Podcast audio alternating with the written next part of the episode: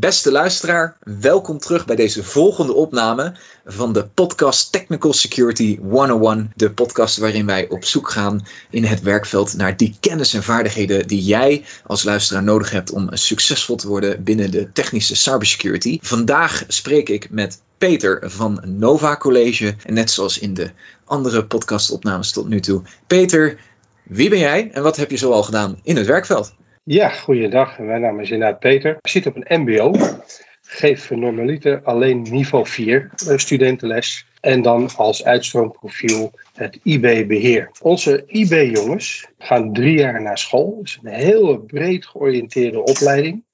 Waarbij ze met alle onderdelen van het vak eigenlijk junior systeembeheerder in aanmerking komen, in aanraking komen. Waar moet ik dan aan denken? Nou, in ieder geval de basisvaardigheden om een server te installeren, een Active Directory op te zetten, netwerkverbindingen te maken, dingen te controleren, clients op een server koppelen, uh, een VPN-servertje installeren, een remote desktop server installeren. Dus inderdaad gewoon kijken naar de basisonderdelen van bouwen van een informatieinfrastructuur. In de voorgaande opnames sprak ik met collega's die lesgeven op een HBO. Dus dat maakt jou al tot nu toe een unieke spreker eh, in uh, deze reeks opnames. Bemerk je ook een, een groot verschil tussen waar een, een MBO'er en een HBO'er in het technische security werkveld aan de slag gaat? Of is dat eigenlijk hetzelfde? Uh, het ontloopt elkaar niet in die zin dat ze bijna allemaal dezelfde soort van opleiding krijgen. Alleen bij ons MBO specialiseren we niet. Krijgen ze van alles een klein beetje. Dus eigenlijk proeven ze pas aan de onderkant van cybersecurity van wat betekent het nou voor mij als mens in mijn dagelijks leven. Maar ook straks als ik in het werkveld zit en ik moet mensen gaan helpen op een SOC bijvoorbeeld. Niet te veel diepgang, gewoon omdat je A, de, de tijd er niet voor is, maar ook uh, de behoefte er niet uh, voor is krijgen die jongens cybersecurity maar basiskennis. En je hebt nu het over een term, een SOC, een uh, Security Operation Center. Begrijp ik nu dat je ook met bepaalde basiskennis, bepaalde IT-kennis, ook al in zo'n Security Operation Center aan de slag kunt? We zijn onlangs uh, geslaagd voor uh, de instructortrainingen, dus wij mogen dat nu gaan geven sinds kort. Ja, ons doel is om onze studenten in ieder geval in, proberen in een tier 1 situatie, dus dat is echt de cyber security analyst niveau, de basisniveau, om die zo op te leiden dat ze dingen kunnen uitzoeken, uitpluizen, kijken waar is, de, waar is een malware gedetecteerd, uh, wat is de geo-IP-locatie, uh, wat is de severity, welk malicious tool is er gebruikt enzovoort. Een Security Operations Center, moet ik dan zo'n kamer voor me zien in een gebouw met zo'n wereldkaart en, en lichtjes die allemaal aangaat? Of hoe, hoe ziet dat dan voor zo'n student eruit? Ja, afhankelijk van natuurlijk in welk bedrijf je terechtkomt. We zijn met de eerstejaars naar de Cybersecurity Center van KPN geweest. Daar mochten we dan uh, op drie hoog vanaf een balkon uh, met glas ervoor mochten we dan op de werkruimte kijken. Mochten niet doorheen lopen, gewoon omdat het te sensitief is. Dat is een van de mogelijkheden om daar terecht te komen. Een andere gelegenheid is een klant van ons, ik ga geen namen noemen, maar die, die hebben inderdaad vier man in dienst. Elke persoon heeft vier schermen voor zijn neus. En die is met een, een toeltje al het verkeerd afsniffen. Die, dat verkeer dat, dat geeft alerts nou, ga ze maar onderzoeken. Wat doet dit ding? Waarom geeft hij een alert? En waarom komt hij al 25 keer voor?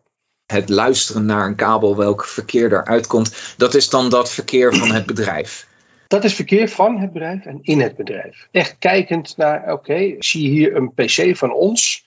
Dat is een identiteit van onze, een van onze PC's. En waarom heeft die s'nachts om vier uur zoveel I.O.-verkeer naar een bepaald IP-adres? Stel dat een bedrijf aangevallen zou zijn en er is een stukje kwaadaardige software, je noemde het net al, malware, binnengekomen, dan zou zo'n Security Operations Center analyst dat kunnen detecteren.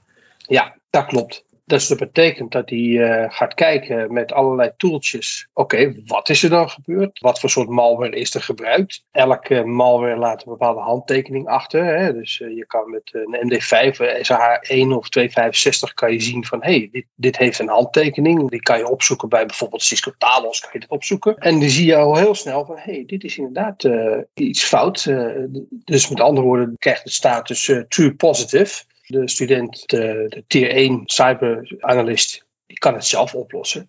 Of hij escaleert het naar tier 2. Ik hoor nu termen langskomen, hè? true positive en tier 1 en tier 2. Uh, om even in te gaan op wat tier 1 is. Tier 1, hè, die eerste verdedigingslinie, dat is een term als triage. De eerste onderzoeksstappen. Ja. Is dit belangrijk genoeg om te escaleren of kan ik dit zelf alvast afhandelen? Ja, klopt. De tier 1 is in principe een laag met ja, wat minder hooggeschoolde medewerkers, maar die wel geschoold zijn om het detecteren van uh, alerts te onderzoeken toeltje geeft aan van ik krijg van IP-nummer uh, X krijg ik 25 verzoeken voor verschillende soorten, van verschillende soorten services uit de wereld. En waarom is dat? Ja. En als je dan gaat ontdekken dat die ook nog een keertje inderdaad malware vertoont, dan is dat een true positive. Als je alarm krijgt dat er ergens malware is en je gaat onderzoeken en er is geen malware, dan is dit een false positive. En op die manier krijg je allerlei uh, schakeringen in uh, meldingen. Oké, okay, dus het verschil tussen een, een true positive en een false positive uh, zou dan zijn: hè, een positive is je krijgt een melding binnen. En ja. of, of je op die melding moet handelen of niet moet handelen als bedrijf, als analist, dat maakt het de, de true of de false. Dat klopt. Je noemt het net de wat laag opgeleidere medewerker. Maar als zij de melding maken of er gehandeld moet worden of niet, dan lijkt mij dat een hele belangrijke functie. Want anders word je als bedrijf ja, overspoeld met meldingen waar je uiteindelijk niks mee hoeft te doen. Ja, dat klopt. Een bedrijf uh, wil natuurlijk niet heel veel verkeer uh, op zijn dak krijgen. Want dat betekent, als je een beetje een druk bedrijf hebt, dat zijn miljoenen berichten per dag. A, is het sowieso handmatig niet, niet bij te houden. Dus dat protocol wat je dan gebruikt in je, in je SOC, dat is natuurlijk hartstikke belangrijk. Dus je gaat, je gaat van tevoren bepalen van oké, okay, wat wil ik dan sowieso binnenkrijgen. Het ontvangen van SSL-verkeer of HTTPS is natuurlijk zinloos, want het is encrypted. Daar kan je sowieso niks mee doen. Dus je gaat, je gaat filters aanbrengen.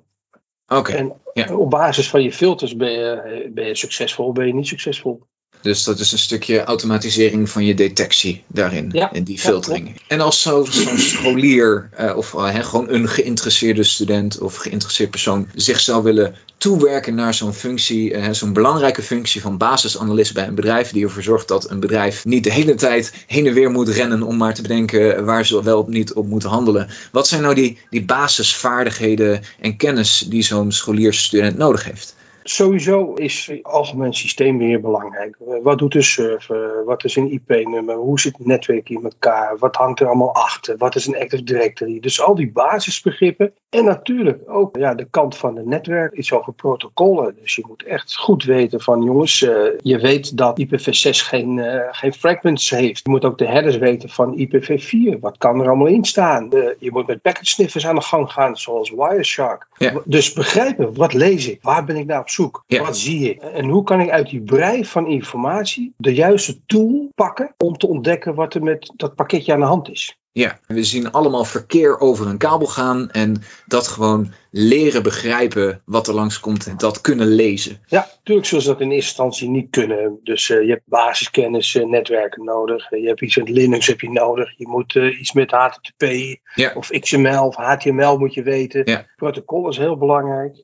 en natuurlijk ook de informatie of tenminste kennis van de pakketten die je gaat toepassen, de tools. Ja. Oké, okay. naast die tools hoor ik nu ook een term Linux langskomen.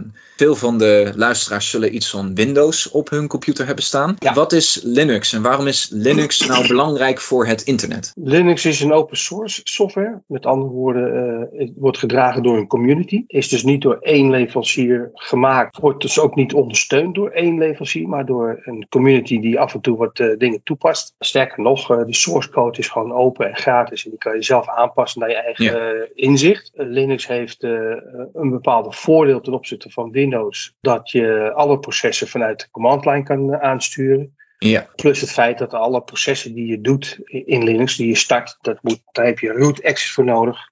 Zonder dat je root bent. Tenzij je natuurlijk root wordt, maar dan kan je ook heel veel dingen stuk maken. En het voordeel van Linux is dat er allerlei eh, distributies zijn uh, ontwikkeld. Die bepaalde tools die je nodig hebt om malware te ontdekken, ja, die zijn gemaakt. Uh, en dan noem ik bijvoorbeeld twee voorbeelden: Security Onion en Kali Linux. ja. Dus die zijn al voorbereid met allerlei tools die jij als uh, security medewerker kan gebruiken op zoek naar die ene malware die je netwerk is binnengedrongen. Oké, dus naast dat Linux ons de mogelijkheid geeft om die automatisering, die tooling die wij nodig hebben, vlot te kunnen gebruiken, kan zo'n beginnende scholier, zo'n student direct al aan de slag met oefenen door zo'n omgeving als Kali Linux of Security Onion te installeren en mee te gaan spelen. Ja. En als we nu kijken naar waar Linux nog meer voor wordt gebruikt op het internet. De, de, de computer die we voor ons gebruiken hebben waarschijnlijk uh, Windows of Mac. Maar is het zo dat ook het internet draait op Windows en Mac? Of waar, waar draait zo'n server van het internet dan op? Nou, vanwege het low resource uh, benodigdheden van Linux. Hè, dus je, kan met uh, wat minder zware machines kan je al heel wat aan. Het vermoeden is dat 80 tot 90 procent van het serverpark in de wereld waar Linux opdraait. En Linux is niet een één orgaan, maar is een conglomeraat van allerlei services en hosts en, enzovoort. Uh, dat uh, 80 tot 90 procent van die, van die systemen die draait op Linux. Uh, ja. Op een distributie van Linux. Ja, dus als beginnende IT'er kom je er eigenlijk gewoon niet omheen door die command line, die terminal Linux te gaan begrijpen. En wil je hierin verder? Wil je bij security verder, zal je Linux moeten kunnen laten opzitten, pootjes geven en door een hoepeltje te laten springen. Ja. Peter, wij gaan afronden. Ontzettend bedankt voor dit gesprek. Super leerzaam. En we hopen nog snel meer van je te horen. Bedankt voor, uh, voor de aandacht.